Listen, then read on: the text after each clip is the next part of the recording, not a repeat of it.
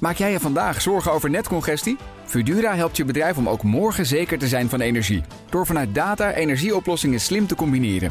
Zo installeren wij bijvoorbeeld een batterij om je extra opgewekte zonne-energie niet verloren te laten gaan. Kun jij onbezorgd verder met vandaag? Kijk op Fudura.nl. Fudura, de verandering voor. Het BNR Finance Debat wordt mede mogelijk gemaakt door Nederlandse Vereniging van Banken, Dutch Fund and Asset Management Association en Nederlandse Vereniging van Participatiemaatschappijen voor een financieel gezonde toekomst van Nederland. Luister ook eens naar deze podcast. Doorgelicht. Dat kan via de BNR-app met live radio en breaking news. Download hem nu en blijf scherp. BNR Nieuwsradio. Het verkiezingsdebat. Diana Matroos. Goedenavond, goed dat je luistert naar het BNR Finance Debat.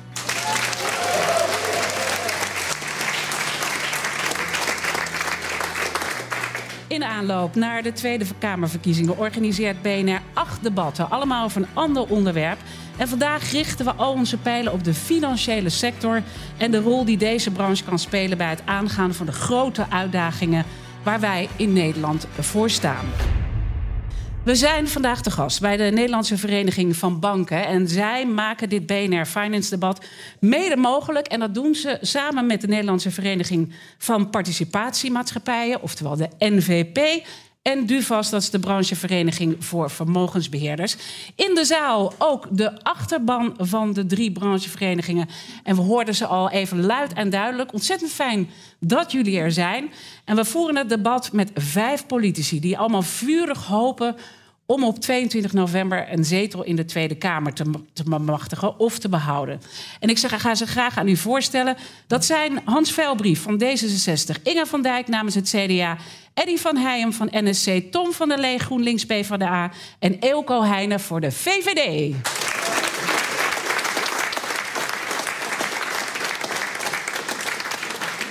Ja, toen wij dit uh, debat gingen organiseren en voorbereiden, hoorden we al heel snel vanuit de financiële sector, meneer Veilbrief. Uh, dat er toch wel echt een kloof met de politiek uh, ervaren is de afgelopen jaren. Dat die kloof ook te groot is geworden. En ik herken dat eigenlijk ook van alle gesprekken die ik doe op BNR Nieuwsradio. Is de kloof inderdaad te groot geworden wat u betreft? Nou, misschien in het algemeen wel tussen bedrijfsleven en overheid. Uh, ik heb in het programma, ik heb zelf het programma mogen schrijven met de commissie opgeschreven dat ik vind dat het uh, goed zou zijn als bedrijfsleven en overheid vlak na dat er een nieuw kabinet is, dicht bij, uh, bij, elkaar gaan zitten en eens goed met elkaar praten over wat eigenlijk de gezamenlijke doelen zijn. En dat geldt ook voor de financiële sector. Uh, Heijnen van de VVD, is dit ook iets waar uw partij misschien steken heeft laten vallen? Dat die klover is gekomen? Want u bent toch echt van de bedrijven en van de ondernemers? Ja, ik herken het eh, zeer, die kloof. Uh, en ik maak het ook dagelijks uh, mee in de politiek. En dat zit er voornamelijk in hoe over bedrijfsleven wordt gepraat. En hier, we staan hier in het financiële centrum van Nederland. En voornamelijk hoe ook over de financiële sector wordt gepraat. Ik vind dat echt veel te vijandig. Ja. het gaat altijd over maar hoe kunnen we ze belasten? Hoe kunnen er meer regels zijn? En als de sector zegt, wij hebben ideeën, help ons hierbij. Bijvoorbeeld als het gaat om witwassen. Dan geeft de politiek niet thuis. En dat vind ik echt een gemiste kant. Ja, maar mijn vraag was natuurlijk, heeft ook de VVD daar steken laten vallen? Uh, je bent verantwoordelijk. We hebben 13 jaar geregeerd, dus ik loop niet weg voor verantwoordelijkheid. Dus die zal ik ook zeker in deze discussie nemen. Ik ervaar wel dat ik zeer alleen sta in de politiek. Ja. Uh, en dat ik vaak voor de sector opkom en daar uh, weinig handjes voor op elkaar krijg. En ik zie Tom van der Leen nou een beetje lichtsmalend lachen. Ik weet niet wat die lach altijd betekent. Maar ik, de brug is natuurlijk snel gemaakt naar GroenLinks Partij van de Arbeid. Ja, ik denk, die kloof vind ik niet zo heel boeiend. Waar we voor staan in Nederland is enorme uitdagingen. Met een veel te grote armoede veel te snelle opwarming. De natuur die het slechtste voorstaat in heel Europa. We moeten scherpe keuzes maken, grote transities. En de financiële sector is daarin onontbeerlijk. Maar heeft net als andere partijen hele grote belangen. En die belangen die botsen nu heel hard. En dat maakt dat je wel eens tegenover elkaar komt te staan. Maar ik en vind dat, dat is niet erg. Dat, dat is eigenlijk onomkoombaar. We ja. kunnen niet meer in het oude denken terugvallen dat economische groei al onze problemen oplost. Die tijd is voorbij. En dus moet je kiezen. En betekent ook afscheid nemen van activiteiten die niet meer passen binnen de planetaire grenzen, die niet meer passen binnen onze rechtsstaat. Mm -hmm. uh, en dat zijn pijnlijke keuzes. En ook consequenties voor de financiële sector, die daar niet altijd happig op is. Dat snap ik wel. Uh, Inge van Dijk van het CDA, uh, begrijpelijke reactie hier van Tom van der Lee? Nou, ik vind wel dat we te ver tegenover elkaar zijn komen te staan. Want ik zie juist heel veel kansen in een uh, betere samenwerking met de financiële sector. En ik vind eigenlijk dat de financiële sector ook best wel een stap naar voren zou mogen zetten. Want ze hebben heel veel kennis, uh, financiële middelen echte expertise bij de banken als het gaat over branches, als het gaat over mensen die uh, met een afstand uh, tot het betalingsverkeer. We moeten gewoon elkaar vast gaan houden en uh, gebruik maken van elkaar. Ja, en u zegt eigenlijk, zij moeten naar voren stappen. Is dat ook wat u vindt, Eddie van Heijm van NSC? Dat het bedrijfsleven naar voren moet stappen? Ja. Nou, ik vind wel, in zoverre ben ik het wel eens met Tom van der Lee. De overheid hoort uiteindelijk te staan voor publiek belang, voor het algemeen belang. En dat kan ook betekenen dat je van het bedrijfsleven vraagt om stappen te zetten. Maar ik vind dat je uiteindelijk uh, dan wel moet proberen om die stappen ook samen vooruit te zetten. En daar hebben we af, af en toe wel uh, echt steken laten vallen met elkaar. Dat we te veel naar elkaar zijn gaan wijzen. En te weinig die gezamenlijke opgaven uh, hebben weten te vinden. Dus daar ligt echt wel een opdracht voor de komende jaren. Laten we daar zo meteen uh, over verder praten. Vooral over hoe we dat krachtiger kunnen maken. Maar nog even de opzet van het debat. Dat doen we niet aan de hand van stellingen. We willen echt het gesprek aangaan. We hebben vier thema's.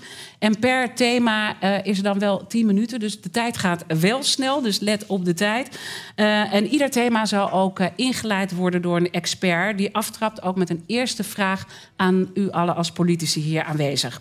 Helemaal aan het einde gaat deze expert ook reflecteren op wat er allemaal is gezegd tijdens het debat. Dus dan hebben we ook een uh, mooie samenvatting. En de luisteraars van BNR zullen de expert van vandaag ongetwijfeld uh, kennen. Want dat is onze eigen huiseconoom Han de Jong. Han, kom erbij.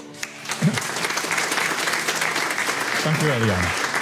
Ja, uh, Han, waar ga jij op letten? Nou, ik ga letten. Kijk, we, we gaan natuurlijk uh, stemmen. En dan wil je iets te kiezen hebben. Dus ik ben heel erg benieuwd naar de, naar de grote verschillen... die we hopelijk uh, vanavond gaan horen. Dat ben ik zeker ook. En dan gaan we straks hebben over wet en regelgeving... voor financiële instellingen, het vestigingsklimaat, financiële weerbaarheid. Maar we gaan nu aftrappen met verduurzaming en de energietransitie... en welke rol de financiële sector kan vervullen. Han, aan jou het woord. Precies. Misschien mag ik vooraf toch nog eventjes in het kader van volledige transparantie melden dat ik nu wel bij BNR werk, maar daarvoor heel lang bij ABN AMRO heb gewerkt. Ja, dat is waar. Ik ben geen partij in dit debat uiteraard, maar ik heb wel een achtergrond. Dat is goed uh, uh, om dat nog even te zeggen. Maar je bent hier vooral onze eigen huiseconoom. Zeker, zeker. Um, nou, het eerste onderwerp dat is energietransitie en duurzaamheid. Nou, dat, dat behoeft eigenlijk nauwelijks introductie. Dat zijn belangrijke maatschappelijke en politieke thema's.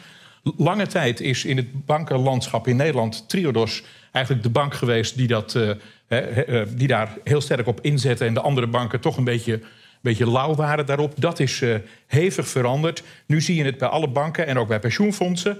Um, ja, bij mij werpt het toch wel allerlei vragen op. Hè. Wat bepaal je? Hoe bepaal je wat duurzaam is? Wie bepaalt dat eigenlijk? Um, nou, zie bijvoorbeeld de discussie over biomassa. Um, hoe ga je dingen controleren? Uh, en, en hoe ver moeten, moeten financiële instellingen hierin gaan? Mijn concrete vraag is, um, die ga ik gewoon letterlijk voorlezen. Uh, mede onder invloed van de maatschappelijke druk beperken banken en ook pensioenfondsen hun activiteiten op het gebied van fossiele brandstoffen. Maar die fossiele brandstoffen die nemen natuurlijk wel nog altijd het overgrote deel van de mondiale energievoorziening voor hun rekening. En ze blijven ongetwijfeld nog lange tijd nodig. Is het dan wel verantwoord als banken bijvoorbeeld geen uh, fossiele bedrijven meer financieren uh, en pensioenfondsen niet meer in fossiele bedrijven willen beleggen? Een mooi uh, dilemma. Uh, dank, uh, Han. we horen je straks weer. En ik zou dan toch weer eventjes bij Elko Heijnen van de VVD willen beginnen. Want in uw partijprogramma staat dat de pensioenfondsen zich moeten onthouden van politiek activisme. Ehm, zegt u daarmee meteen, zowel de pensioenfondsen als de banken moeten gewoon de fossiele bedrijven blijven steunen? Nou, kijk, iedereen ziet het belang van, een, uh, van de verduurzaming van onze economie. En wat ik vaak zie gebeuren is alsof we tegenover elkaar staan. Mm -hmm. Alsof de pensioenfondsen of uh, andere investeerders het belang van verduurzaming niet zien. En wat ik ook zie gebeuren is vanuit de politiek erg mee willen sturen in die bedrijfsvoering. En zeggen waar je het beste in kan beleggen. Daar ben ik niet van. Ik vind dat bedrijven moeten gewoon ondernemen en die eigen keus maken. Ik denk dat het wel belangrijk is dat je als overheid, als politiek, de richting aangeeft waar het gaat. Vooral langetermijn perspectief en niet elk jaar weer wat anders roept. Zodat bedrijven zich daarop kunnen aanpassen. Maar welke richting dan met de fossiele bedrijven? Voorlopig gewoon blijven steunen, wetende dat we ze gewoon nog eh, nodig hebben, of toch echt gaan afbouwen als het gaat om de steun vanuit de financiële instellingen? Nou, de richting is afbouwen. Ik vind alleen niet dat je als politiek moet zeggen... u moet morgen gelijk al uw, uw, uw, uw assets uh, verkopen. Want dan ga je echt op de stoel van de bestuurder zitten. Ik vind dat je dat niet moet doen. Maar wel de richting moet geven... zodat bedrijven zich kunnen gaan aanpassen en erop voorsorteren. Maar dat is een traject van de lange termijn. Dat lukt niet in één dag. Uh, ik neem aan dat Tom van der Lee van GroenLinks Partij van de Arbeid... wil dat het allemaal veel en veel en veel sneller gaat. Ja, zeker. Omdat uh, niet alleen in Nederland, maar wereldwijd we fossiel zwaar subsidiëren. In Nederland gaat het om ruim 40 miljard euro. Uh, dat is niet houdbaar. We moeten heldere afbouwpaden als, als politiek schetsen. En tegelijkertijd vraag, vragen van marktpartijen om in die transitie hun rol te pakken. En dat is niet alleen kijken naar je eigen balans. Dus ook kijken naar ja, hoeveel uh, bedrijfsobligaties ga ik in de markt zetten voor fossiele bedrijven. Heeft dat wel toekomst? Mm -hmm. Het heeft ook te maken met het toezicht de, de, wijze waarop gekeken wordt naar de klimaatrisico's. Worden die wel voldoende uh, ja, ingeprezen? Als het gaat ook om uh, de, de, wijze waarop nu uh, ja. beurswaarde wordt bepaald... maar ook straks voor de lange termijn een strategie wordt uitgezet. Ik vind dat op al die fronten we moeten zorgen... dat fossiel zo snel als mogelijk wordt afgebouwd. Mm -hmm. Omdat de opwarming helaas veel harder gaat. Maar de realiteit van vandaag de dag is dat ja, die fossiele subsidies... en dan toch even naar meneer Velbrief... en nou, u bent natuurlijk ook onderdeel uh, van het uh, kabinet en ook uw partijgenoot. U wilde zeggen, u bent ook fossiel, maar. Nee, dat, dat, niet, uh... dat, zou ik nooit nou, durven zeggen. Maar wel qua rijke ervaring zou ik het dank wel zo mogen zeggen.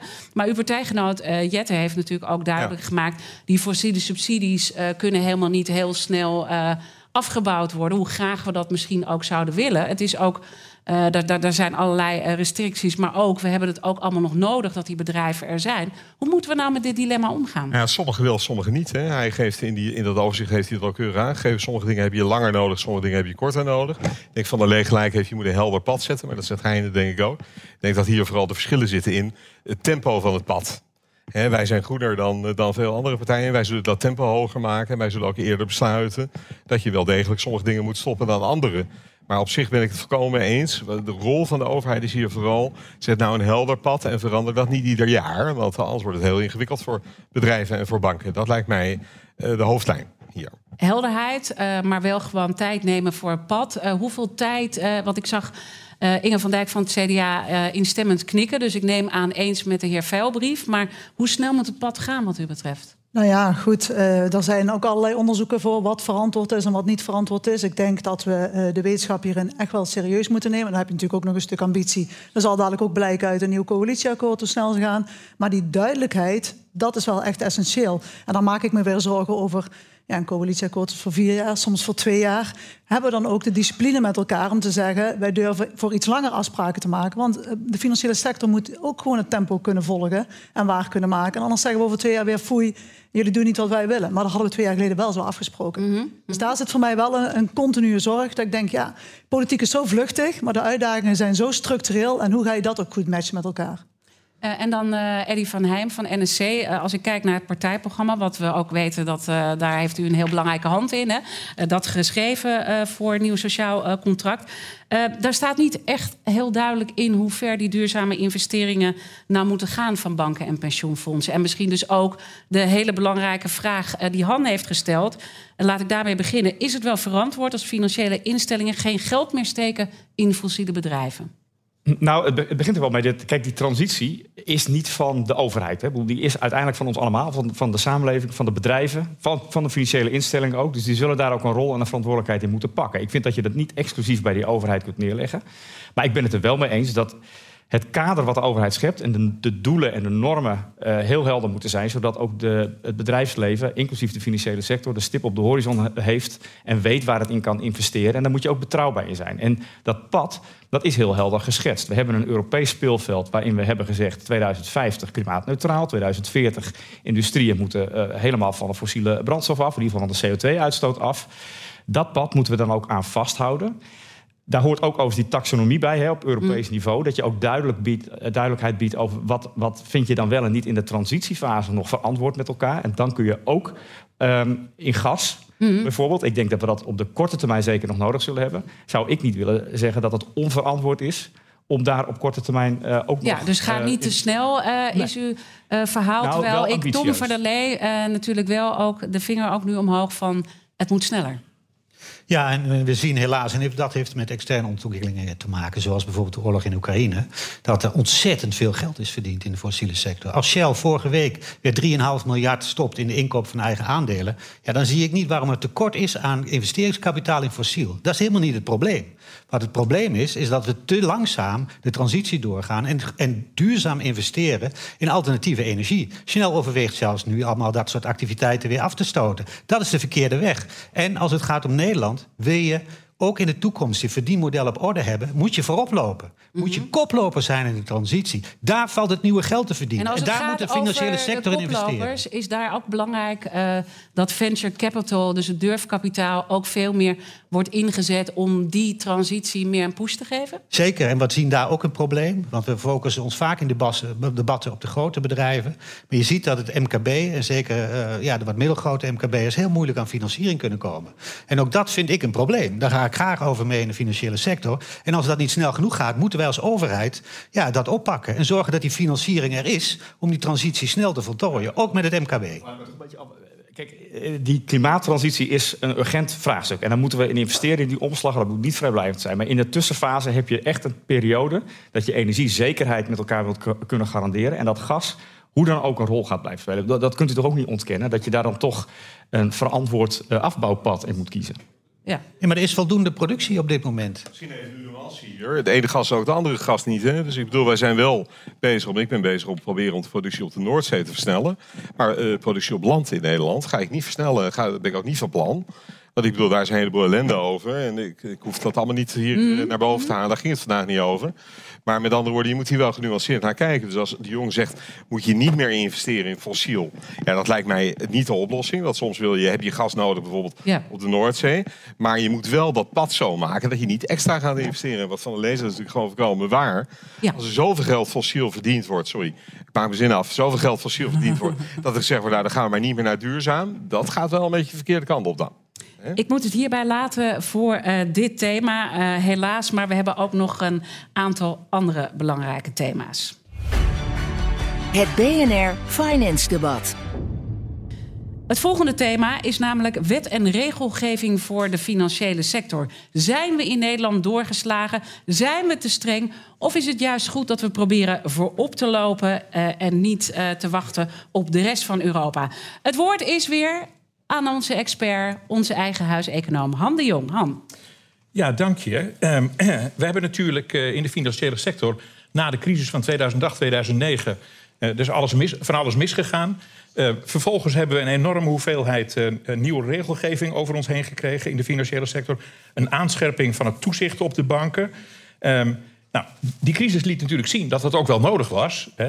Laat daar geen misverstand over bestaan. Maar het is natuurlijk ook wel zo dat additioneel regelgeving en een verscherpt toezicht. Ja, dat brengt allemaal extra kosten met zich mee. Vermindert misschien ook de dynamiek in de sector. Nou, daar kun je misschien over twisten. Ehm, en wat, wat mij opvalt is dat de instanties die al die nieuwe regels bedenken, ehm, ja, die hoeven niet de kosten te, te dragen. Dus, eh, dus komt er dan nog wel een goede afweging? Neem nou bijvoorbeeld de wet ter voorkoming van witwassen en financiering van, van het terrorisme. Ehm, als ik het goed begrijp, dan werken er in Nederland bij banken 13.000 13.000 mensen die zich hiermee bezighouden. Dat lijkt mij een groot aantal. Ehm, ik weet uit ervaring dat heel veel klanten het ook heel vervelend vinden dat wanneer ze een rekening proberen te openen bij een bank, dat ze het hem van het lijf wordt gevraagd.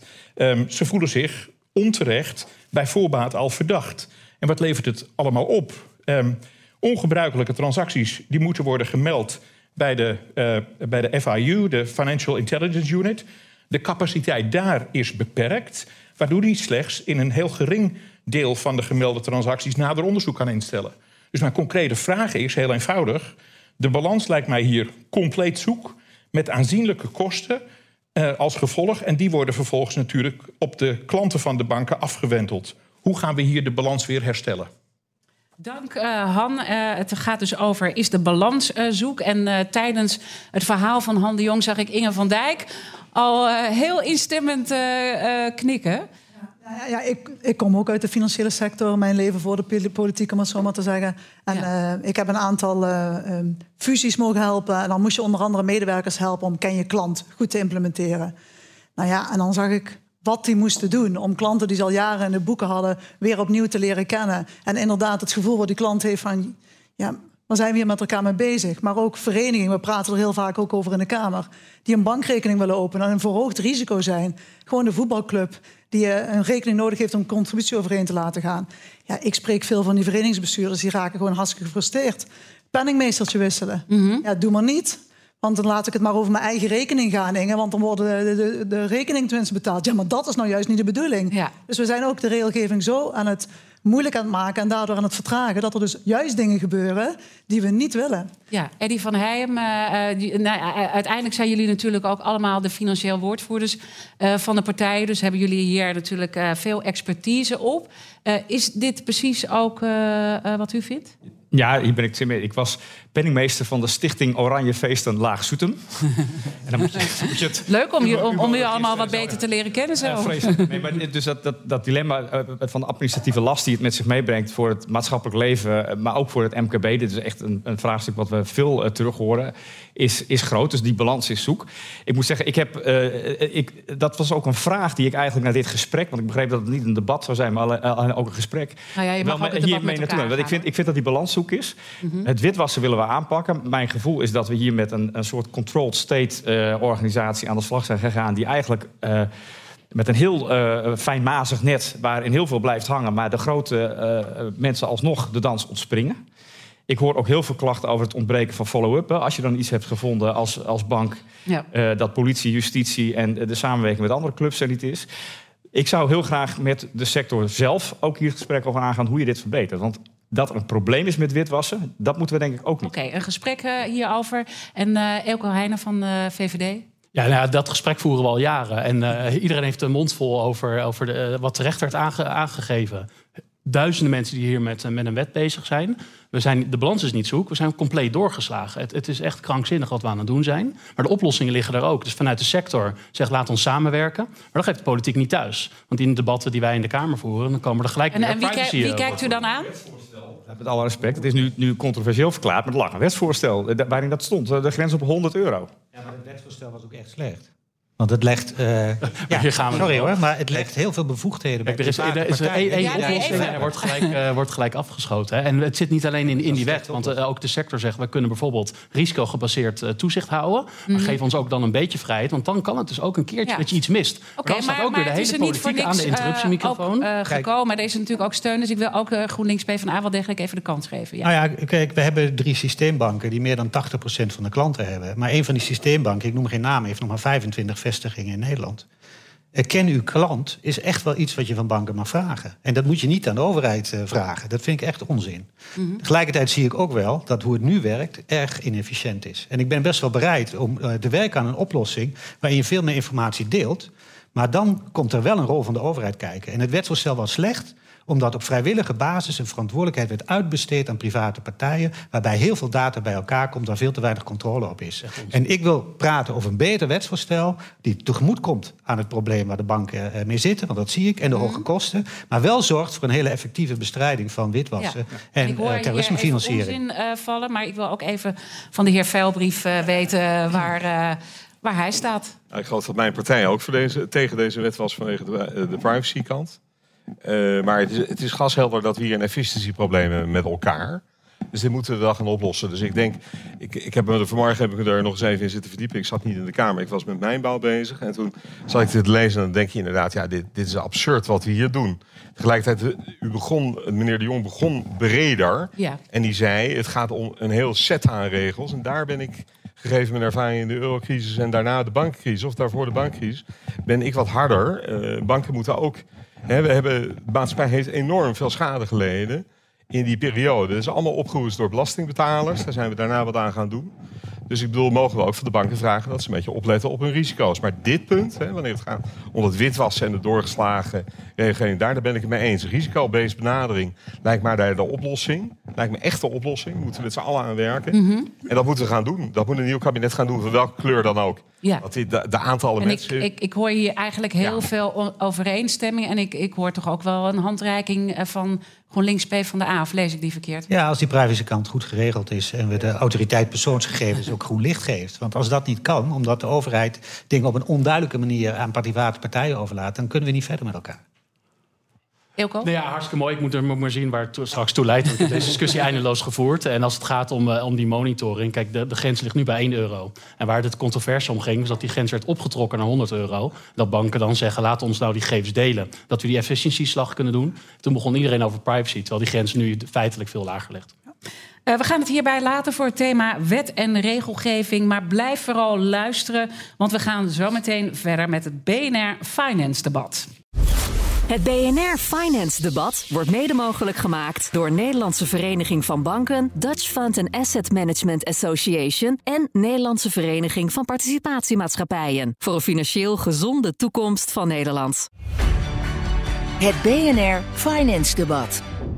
Vanuit het hoofdkwartier van de Nederlandse Vereniging van Banken, die dit debat mede mogelijk maakt. En dat doen ze samen met DUVAS en de NVP, de Nederlandse Vereniging van Participatiemaatschappijen. De vijf eh, kandidaten, vijf politici die hier met elkaar eh, debatteren en ook met elkaar in gesprek eh, gaan. Dat zijn Inge van Dijk van het CDA, Tom van der Leen namens GroenLinks Partij van de Arbeid. Voor de VVD hebben we Eelco Heijnen. Eddy van Heijem doet mee voor nieuw sociaal contract. En D66 wordt vertegenwoordigd door Hans Velbrief. En elk thema wordt steeds ingeleid eh, door onze expert... die het thema van kennis en duiding voorziet. En dat is eh, onze eigen BNR-huiseconoom Han de Jong. En eh, Han, het thema wat we nu bij de kop gaan pakken... is het vestigingsklimaat. En nog eventjes ter herinnering van iedereen... dat sms'je van onze nog steeds demissionair premier Mark Rutte... toen premier in 2018... waarmee hij topman Paul Polman de verhuizing van het hoofdkantoor van Unilever naar Rotterdam afblies. We kunnen het allemaal herinneren. En dat was de eerste toon die werd gezet met het vestigingsklimaat. En dat ging nog heel lang door. De vraag is, waar moet het eh, eh, naartoe in de volgende kabinetsperiode? Han de Jong. Ja, het onderwerp eh, is nu vestigingsklimaat. Nou, het vestigingsklimaat, dat hoef ik, hoop ik niet uit te leggen. Maar dat is van groot belang voor het verdienvermogen van Nederland. En daarmee voor de welvaart van alle burgers in, in ons land. En ja, Diana die refereert al eventjes aan, ehm, eh, nou, aan, aan een uh, van een aantal jaar geleden. Laat ik het zo maar eventjes zeggen. Toen wilde, toen wilde eh, premier Rutte de dividendbelasting afschaffen... omdat dat goed zou zijn voor het vestigingsklimaat. Nou, dat werd breed weggehoond. Er was geen steun voor. Die dividendbelasting is ook gebleven. Niet heel lang daarna um, heeft Unilever zijn hoofdkantoor... nou, niet verplaatst, maar zijn, zijn hoofdkantoor in Nederland gesloten... en he, hebben ze nu nog maar één hoofdkantoor uh, in het Verenigd Koninkrijk. Hetzelfde geldt voor Shell. Uh, DSM is gefuseerd met een Zwitsers bedrijf... en is nu als hoofdkantoor in, in, Zwitserland gevestigd. Boskalis topman Peter Berdowski die, die klaagt regelmatig... en die dreigt ook om zijn bedrijf naar het buitenland over te hevelen. Um, dus er speelt wel het een en ander. Voor de financiële sector...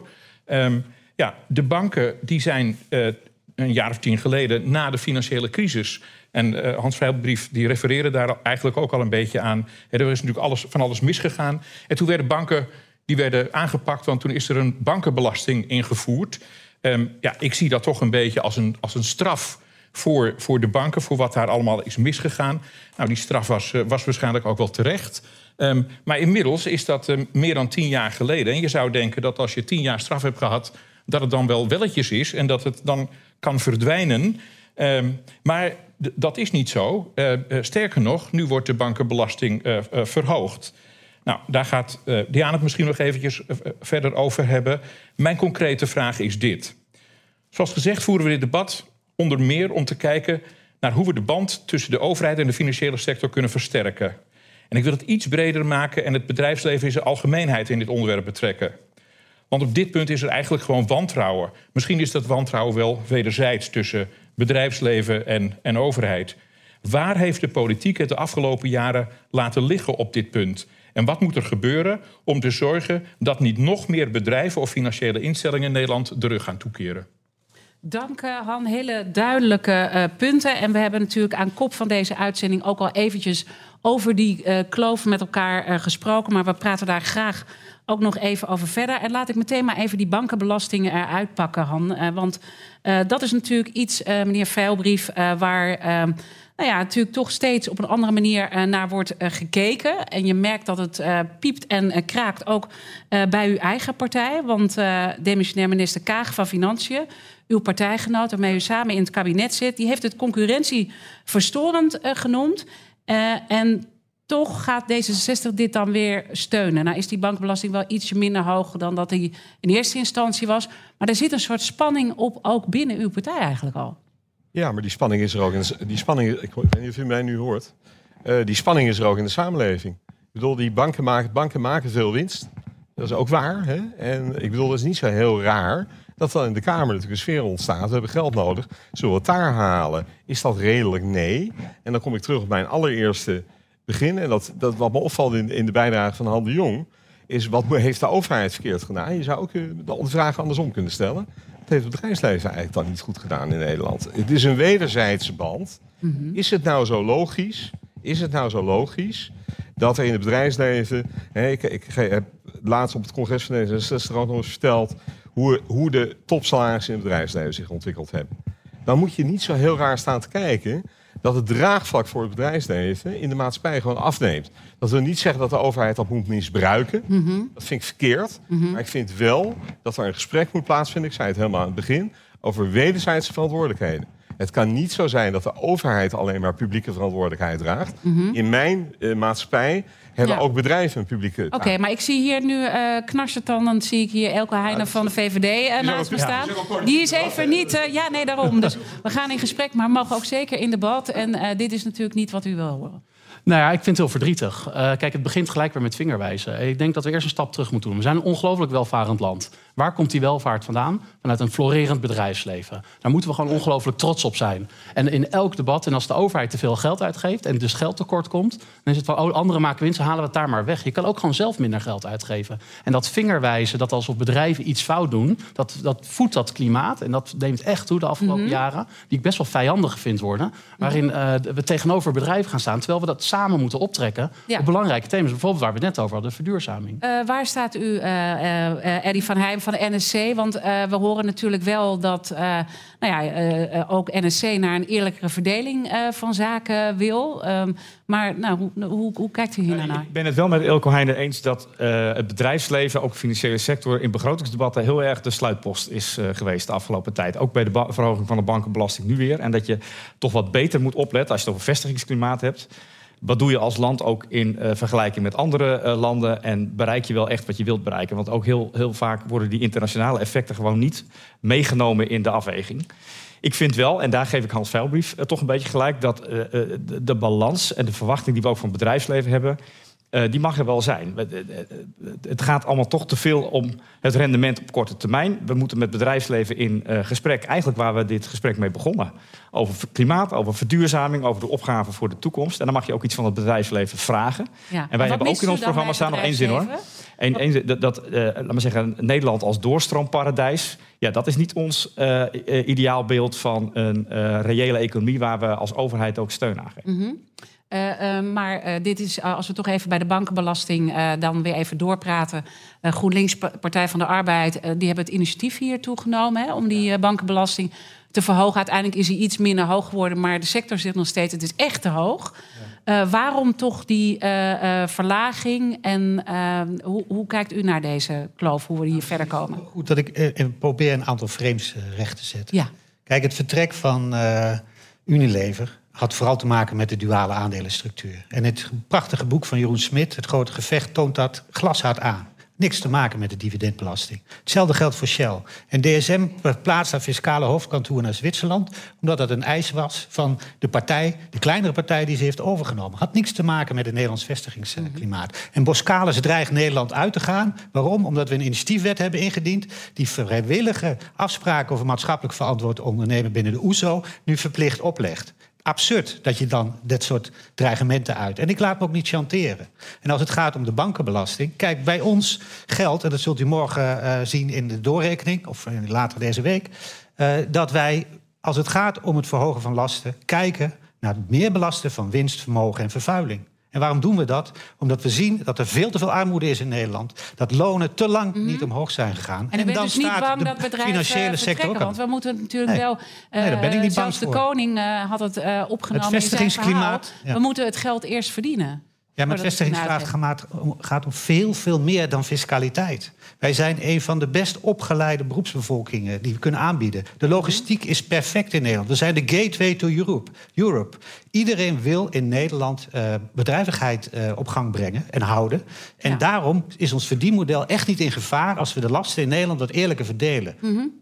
En- Eh, dat- dan wil ik toch even naar Inge van Dijk eh, gaan, naar het CDA. eh, want eh, dat is toch wel eh, ja, hoe het gevoeld wordt in de sector. En eh, bedrijven zeggen dan eh, niet zelf actief van wij gaan weg. Ja, misschien Boskalis wel. Hè, maar de banken hebben dat bijvoorbeeld niet aangegeven. Maar er is wel een vrees dat dat gebeurt.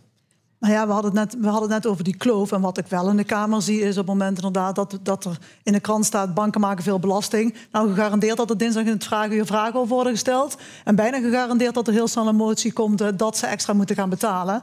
En in het geval van banken denk ik dan... ja, maar we kunnen ook andere dingen aan ze vragen. We hebben kritiek op lage spaarrentes. Eh, We hebben kritiek op bepaalde manieren van kredietverstrekken van MKB... Ik zou zeggen, misschien moet je eh, die momenten ook aangrijpen om te zeggen van nou beste bank, als we dit zien, verwachten we aan de andere kant echt een stap meer van jullie.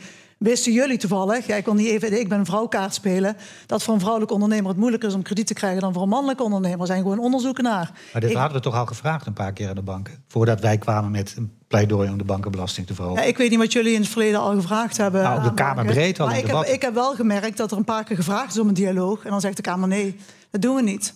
Dus wat dat betreft, eh, ja, de banken eh, mogen we aankijken. Maar ik vind ook dat we een beetje naar onszelf mogen kijken. Eh, eerst de heer Vuilbrief en dan eh Elko Heijnen. Ik wilde me eigenlijk aansluiten bij Inge van Dijk. Ik, ik vind deze benadering, weer dat gesprek... wat plaats moet vinden na de formatie dat er een kabinet zit... ga nou eens kijken of er dingen zijn waar je het met elkaar over eens kan worden. En misschien kun je het dan ook wel eens worden over het feit... dat je niet die 150 miljoen bankenbelasting verhoogt. Misschien wel, misschien niet. En overigens zijn er meer dingen die het be- bevestigingsklimaat beïnvloeden... dan de bankenbelasting. Zullen we het ook even hebben over de expertregeling vorige week? Zullen we het even hebben Ja, over... even een- een aan. graai- een graai- een graai in het groeifonds. Wacht even, even niet door elkaar heen. Eh, Een graai, een straks graai, even een graai reageren. in het groeifonds. Hè, dus ik bedoel, ik vind het allemaal best. We kunnen ons focussen op de groeifonds, dat is bankenbelasting. VVD, ja. Nee, maar het gaat mij erom dan even naar het geheel kijken. Dus niet alleen maar naar die, naar die bankenbelasting. En dan zeg ik, als je naar het geheel kijkt, is het zo rot nog niet. Eén, maar twee, laten we nou een keer bij elkaar gaan zitten en gaan zoeken naar dit soort dingen waar je Ja. met elkaar een, een, een afspraak kunt maken. Ja. Daar heb je veel meer aan. En, en, en eh, dat is altijd goed, hè, het gesprek aangaan. Eh, maar eh Elke Heijnen, ja, je merkt toch dat... als we het inderdaad even wat breder trekken... dat er echt wel zorgen zijn in de financiële sector... maar ook bij de grote bedrijven... dat het toch niet echt een warme hand meer is vanuit Politiek Den Haag. Nou, en terecht, want je hoort het hier ook al. Er is alleen maar kritiek. Eh, er wordt veel vinger gewezen. Het is, eh, bedrijven moeten, moeten, moeten. Eh, en er wordt niet eerst naar de politiek gekeken. Wat kunnen wij doen om bedrijven te helpen een bepaalde stap te maken? Dus het is vooral een politiek van moeten. En wat ik gewoon heel erg mis, is eh, als je een gesprek aangaat... dan begin het eerst met trots. Van ontzettend fijn dat we zoveel bedrijven hebben. Wat fijn dat we een mooi vestigingsklimaat hebben. Wat fijn dat er voor zoveel welvaart en banen wordt gezorgd. Dan heb je een gesprek met elkaar. Dan kijken wat de gezamenlijke opgave is en trek je samen op. En dat begint niet hier met elkaar op een rij staan. Ja. En vooral wijzen dat de ander iets moet doen. Misschien zonder daar, naar jezelf te kijken. eh, daar nog even op eh, voortbordurend. Als je dan kijkt ook naar eh, nou ja, het investeerdersklimaat... en je kijkt ook naar hoe het buitenland dan naar ons kijkt... eh, hoe wordt er intussen gekeken? Ik denk dat het voornamelijk. De- Nederland is nog steeds een heel mooi land. Dus als je uitzoomt, dan is er, als je ergens wil investeren, is dat toch wel hier in Nederland. Maar ik denk dat we dat eh, met eh, een heel hoog tempo kapot aan het maken zijn. En het zit voornamelijk ook in voorspelbaarheid van beleid. We hebben natuurlijk elke maand eh, verandert het beleid. En als bedrijven willen investeren in ons land, wat natuurlijk hartstikke mooi is, dat ze hier eh, weer voor extra welvaart willen zorgen, willen ze wel weten waar ze over vijf en tien jaar aan toe zijn. En in de politiek weten we niet eens waar we volgende maand aan toe Ja, dus dat is dan weer de voorspelbaarheid van regels. Maar ik zie Tom van der Leven, GroenLinks Partij Ja, van de Arbeid... dat- dat- eh, nou ja, een beetje hoofd hoofdschuddend uh, kijken van dit gaat nergens over. Ja, ik, ik erger me altijd als een VVD'er zegt dat we dingen aan het kapotmaken zijn. Want als er dingen kapot gemaakt zijn in Nederland... kijk naar de toeslagen ouders of de gedupeerden in Groningen... dan was dat primair een verantwoordelijkheid van de VVD. Je moet dat soort dingen niet te snel lopen. Wij willen Nederland helemaal niet kapot maken. Sterker nog, we gaan Nederland beter maken, groener maken, duurzamer maken... en ook daarmee voorop lopen en een nieuw verdienmodel creëren. Mhm. Want dat mhm. moeten we gezamenlijk doen. En dan wil ik graag de dialoog aangaan. Mag ook stevig zijn. En daar heeft de financiële sector een grote rol in te vervullen. Dat zie ik op een aantal terreinen gebeuren, maar op een aantal andere terreinen nog niet. En dan zullen we als politiek de verantwoordelijkheid moeten nemen om ja, toch de regels wat aan te scherpen. En dan merk ik dat, dat uh, iedereen eigenlijk wel zegt: laten we het gesprek uh, aangaan. Maar hoe doe je dan, uh, Eddie van Heijem van NSC, het gesprek op de goede manier? Hoe kom je tot een goede dialoog? Ja, ik, ik vind hem ook, ook, ook wel lastig. Want wat je nu ziet is dat het, sentiment ertoe leidt dat je dan maar de banken gaat belasten. Terwijl het goede gesprek eigenlijk zou moeten zijn: ja, is het, eh, wanneer eh, gaat de spaarrente nou eigenlijk eens de depositorente bij de ECB e volgen? Hè? Want eh, de, winsten komen toch vooral daar vandaan. En dat grote gat, dat, dat irriteert mensen maatloos. Ja, dat hoor ik natuurlijk overal. Ik ben wel blij dat de ACM dan ook eens een keer kritisch kijkt naar hoe zit dat met de concurrentie tussen de banken. Dus het goede gesprek moet ergens op een gegeven moment ook een keer tot iets leiden. Mm ja. Uh, en dat, ik zie allemaal instemming. Missen we nog iets? Nou ja, als het gaat om concurrentie tussen banken, daar ben ik het heel erg over eens. Maar ook dan moet je ook als politiek naar jezelf kijken. En dat zijn er allemaal banken in overheidsbezit, die de politiek weer niet wil verkopen, om daar hobby's mee uit te gaan voeren. Dus je kan niet enerzijds zeggen, we gaan niks verkopen. Alles moet in overheidshanden. Van de zes grootste banken zijn er maar twee privaat, waarvan mm één een, eh, een, een, eh, een, een, ja, Hans, Hans herkent het. Dus eigenlijk de ING is de enige private, echte private bank. En dan kan je niet zeggen, ja, er moet meer concurrentie zijn. Dan moet je ook die extra stap zetten en die concurrentie in de financiële sector vergroten en ook uh, de privatiseringsstap durven zetten. Ja, uh, en, en dan wil ik toch nog even aan de heer Velbrief vragen. Ik merk gewoon dat de dialoog um, nou, gewoon moeilijk is. Hè? Dus ik, ik, begrijp ook dat de wil daar is, uh, en dat zeg ik dan ook even breder vanuit het bedrijfsleven en ook vanuit de politiek, om elkaar toch, we moeten bruggen slaan, ook als het om de grote uh, transities gaat. Nou, u bent ook met heel veel ingewikkelde vraagstukken uh, bezig geweest, waar je ontzettend moeilijk ja, die, tot die transities komt. Wat zou u met al uw ervaring ook als staatssecretaris willen meegeven? Ja, want praten met elkaar klinkt zo soft. Het klinkt net alsof ik een heel soft betoog hier zit te houden. Een beetje, een beetje Rijnlands betoog. Maar wat ik eigenlijk probeer te doen, is... Het is een beetje Rijnlands, maar dat is omdat ik probeer de kracht van Nederland terug te halen. De kracht van Nederland was altijd dat wij belangen afruilen met elkaar. En we zijn, eh, dat ben ik met Elke Alheine eens, we moeten ophouden met elkaar de hele tijd de vinger te wijzen. Ik, ik sloeg alleen aan op het feit dat Han zei in zijn introductie, wat kan de overheid doen? Ja, het is ook wat kan het bedrijfsleven doen. En dat moet het gesprek zijn. Het gesprek moet zijn, wij houden op met jullie de hele tijd de lasten te verzwaren. Ik begrijp dat heel goed. We gaan het ook verdedigen in de Kamer dat we dat niet moeten doen. Maar daar horen ook wel dingen bij. En daarom vond ik Inge erin dat je dan zegt... oké, maar dat betekent wel dat je de rente ook een beetje moet verhogen... als de ECB dat ook doet. Misschien kun je dat ook wel doorgeven. Dat zou aardig zijn, anders maken jullie alleen maar winst. Uh, maar dat gesprek was blijkbaar ook heel moeilijk. En by the way, ik vind inderdaad dat we meer private banken in Nederland moeten hebben. Mooi. Dank. We gaan nou, het. Uh, tot, uh, tot, de rechterflank van deze. ja. dus, als, dus, als, u hem al links er zijn wat, uh, maak je borst Er zijn wat verschuivingen gaande. Ja. We gaan dit thema besluiten, want we hebben nog één thema te gaan. Het BNR Finance Debat. Het laatste onderwerp is financiële weerbaarheid. En er zijn zowel zorgen over hoe burgers er nog financieel uitkomen. Bestaanszekerheid is niet voor niets een hot topic uh, uh, tijdens de verkiezingen of in de aanloop naar de verkiezingen van 22 november. Maar ook het MKB heeft het moeilijk. Aan Han de Jong weer het woord om dit in te leiden. Dankjewel. Financiële weerbaarheid. Um, nou, in de pandemie eh, zijn bedrijven en daarmee eigenlijk indirect ook uh, gezinnen uh, stevig financieel ondersteund. En dat was, ik denk dat niemand daaraan twijfelde dat dat goed was. Vervolgens hebben we in het tweede deel van 2021 ja, is er een explosie van energieprijzen begonnen. En toen is toch wel heel pijnlijk duidelijk geworden hoe groot de financiële kwetsbaarheid van heel veel mensen in dit land eigenlijk is. En je vraagt je af, hoe kan dat nou eigenlijk? We zijn een rijk land en dan komen zoveel mensen zo snel enorm in de knel. Waar ligt dat dan aan? Ligt het aan de inkomensverdeling? Nou, misschien. Maar onze inkomensverdeling is heel wat minder scheef dan in bijna alle andere landen in de wereld. Um, wat je natuurlijk wel eens afvraagt dan is... zijn mensen eigenlijk wel voldoende financieel onderlegd? Ehm, of wat je misschien ook wel eens afvraagt, wat ik mij wel eens afvraag is... zijn we niet simpelweg in een soort onhoudbare, vaste lasten samenleving terechtgekomen? Mijn concrete vraag op dit onderwerp is... na het betalen van de vaste lasten en het voorzien in de eerste levensbehoeften... houden veel huishoudens opmerkelijk weinig besteedbaar inkomen over. En dat leidt natuurlijk tot stress en het leidt ook helaas tot financiële ongelukken. Ziet de politiek het als een plicht van de financiële sector om hier te hulp te schieten? En zo ja, hoe dan? Mooie uh, vragen. Dank weer, uh, Han. En uh, dan wil ik graag beginnen met het CDA. Um, want ja, wat, wat, wat moet, de, financiële sector hier verplicht iets aan doen? Nou, ik denk dat we het samen moeten doen. Want als een bank een hypotheek verstrekt, heb je voorwaarden waar eraan voldoen wordt. Wordt er gekeken naar inkomen, hoeveel procent van je inkomen mag je betalen. Maar als ik geen hypotheek kan krijgen, kan ik wel voor een veel groter percentage van, dan van mijn inkomen mag ik een huis huren. Of een appartementje huren, als ik al iets kan huren. Kijkt niemand naar, maken we ons helemaal niet druk over. Maar aan het einde van de maand houdt die persoon wel heel weinig over. Kan die bank niks aan doen. De banken hebben wel natuurlijk fantastische expertise om mensen te helpen. Dus ik vind dat we hier echt samen een stap moeten zetten. Dit willen we. Wij willen echt dat Nederland financieel steviger wordt en zelfstandiger wordt. En dan moeten we mee aan de bak. En ik zou het heel mooi vinden als de banken zeggen, en heel veel banken doen het al, en wij gaan hier een hele stevige stap vooruit zetten. Want wij zien dit als echt een essentiële basisdienstverlening die wij kunnen ja. vervullen. Vinden jullie dat allemaal, dat, uh, dat, dat de banken daar echt een plicht hebben om meer te doen? Ja, ik zie uh, GroenLinks A knikken. Uh, de VVD twijfelt nog een beetje. Eddie nou, van Heijem. Dan zou ik me ook ja, Eddie mag hem zo. De, de reden, u zegt uh, VVD twijfelt, ik twijfel niet.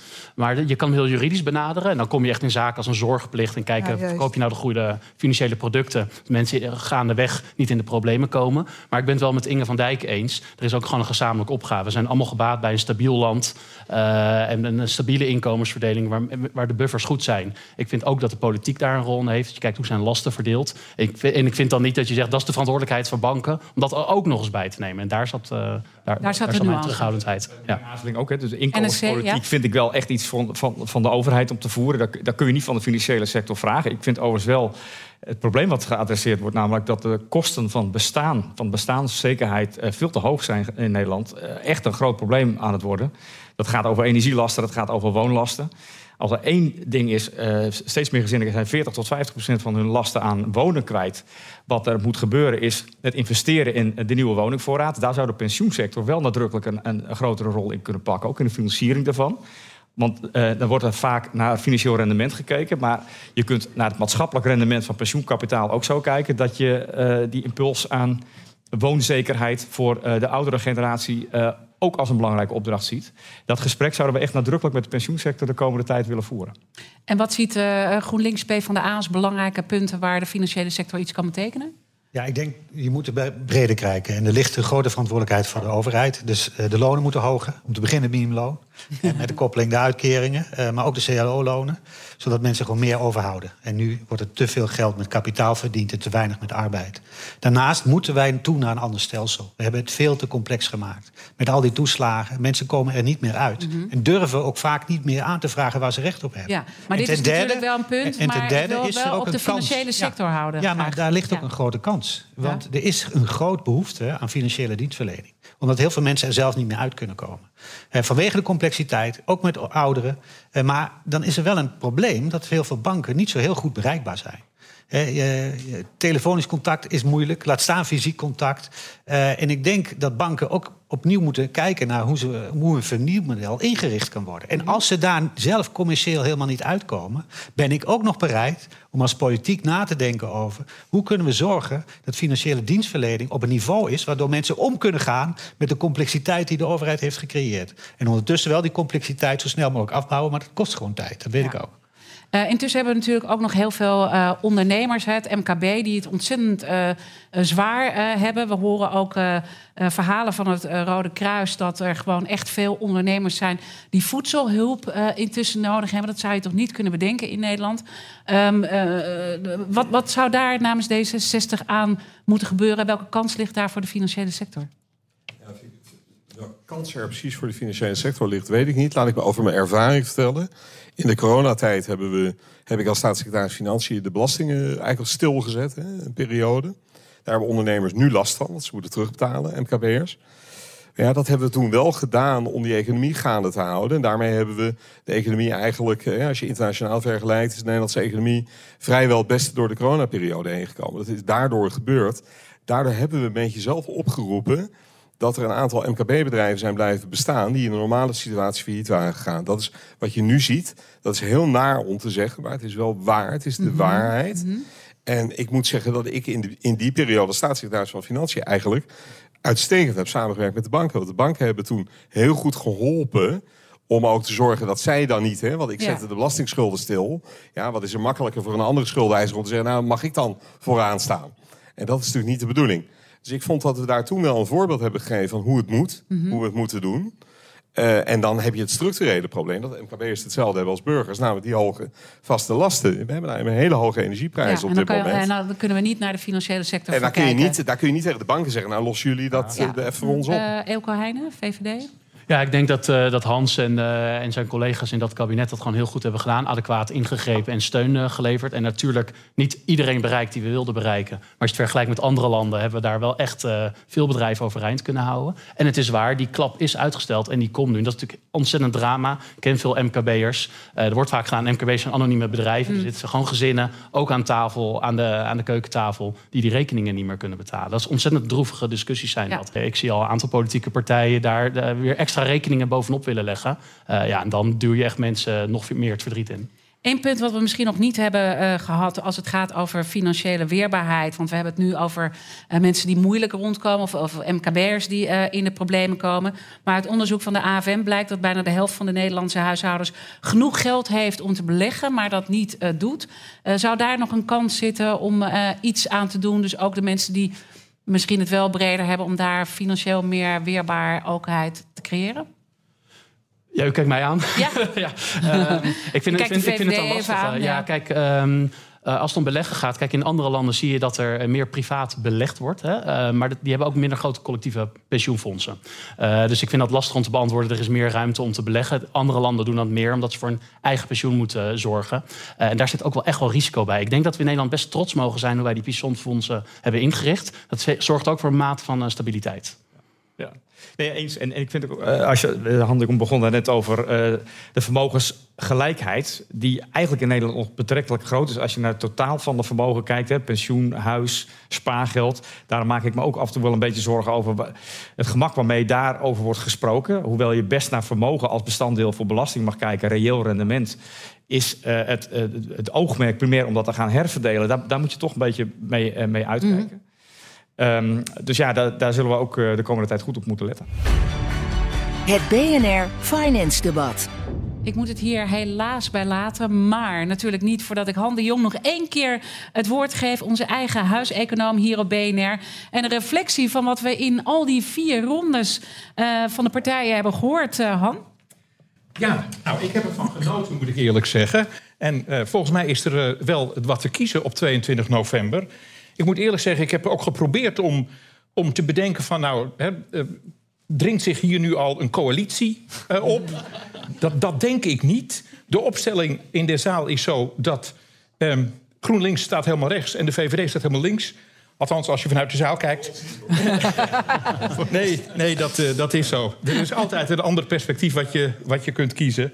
Ehm, maar die, die verschillen die zijn toch wel die zijn helder. En, en dat is een goede zaak. Als ik eens eventjes heel kort naar de onderwerpen kijk. ehm, wat me eigenlijk wat nog, nog het meest is opgevallen is op het onderwerp duurzaamheid.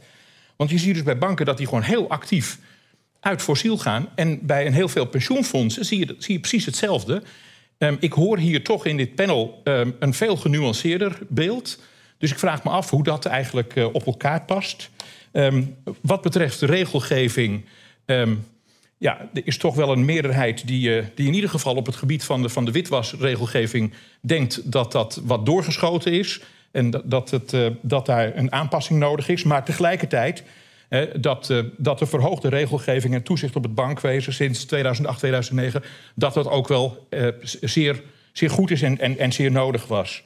Ehm, op het gebied van vestigingsklimaat ja, maak ik mij toch wel lichtelijke zorgen. Want ehm, het wordt eigenlijk een beetje teruggeschoten. Er wordt, ehm, eh, eigenlijk is het antwoord, nou, het vestigingsklimaat is, eh, is eigenlijk best wel goed. En, ehm, en is ook een verantwoordelijkheid voor, de, voor, de, voor het bedrijfsleven zelf. En dat is natuurlijk ook zo. Maar ik mis toch een klein beetje de sense of urgency hier vanavond. En dan wat betreft de financiële weerbaarheid. Nou, daar was denk ik nog het meeste, me- meeste instemming. En het is misschien ook goed om op, met, met instemming te, te eindigen. Misschien mag ik nog één opmerking plaatsen.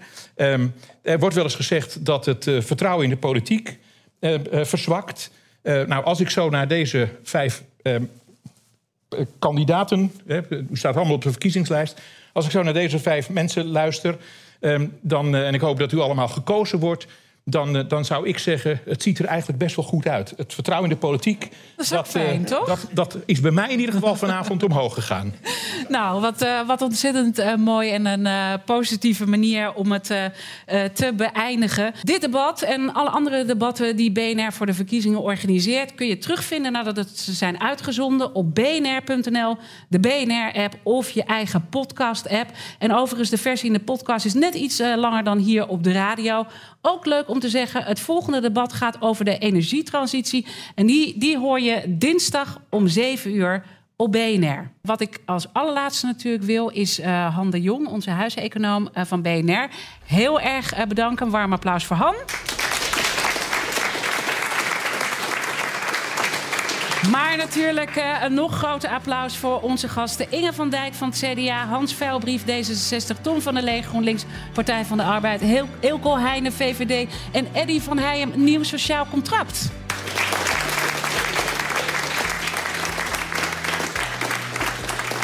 Tot slot eh, dank aan de Nederlandse Vereniging van Banken voor de gastvrijheid hier in hun hoofdkantoor in Amsterdam. De NVB maakte dit debat mogelijk samen met de Nederlandse Vereniging van Participatiemaatschappijen, de NVP en DUVAS, de branchevereniging voor vermogensbeheerders. Dank voor het luisteren richting al onze luisteraars en tot ziens.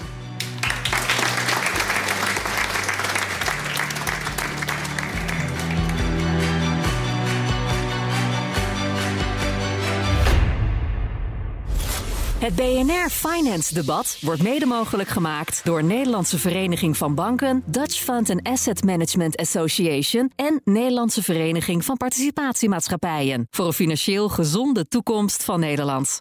Maak jij je vandaag zorgen over netcongestie? Fudura helpt je bedrijf om ook morgen zeker te zijn van energie. Door vanuit data energieoplossingen slim te combineren.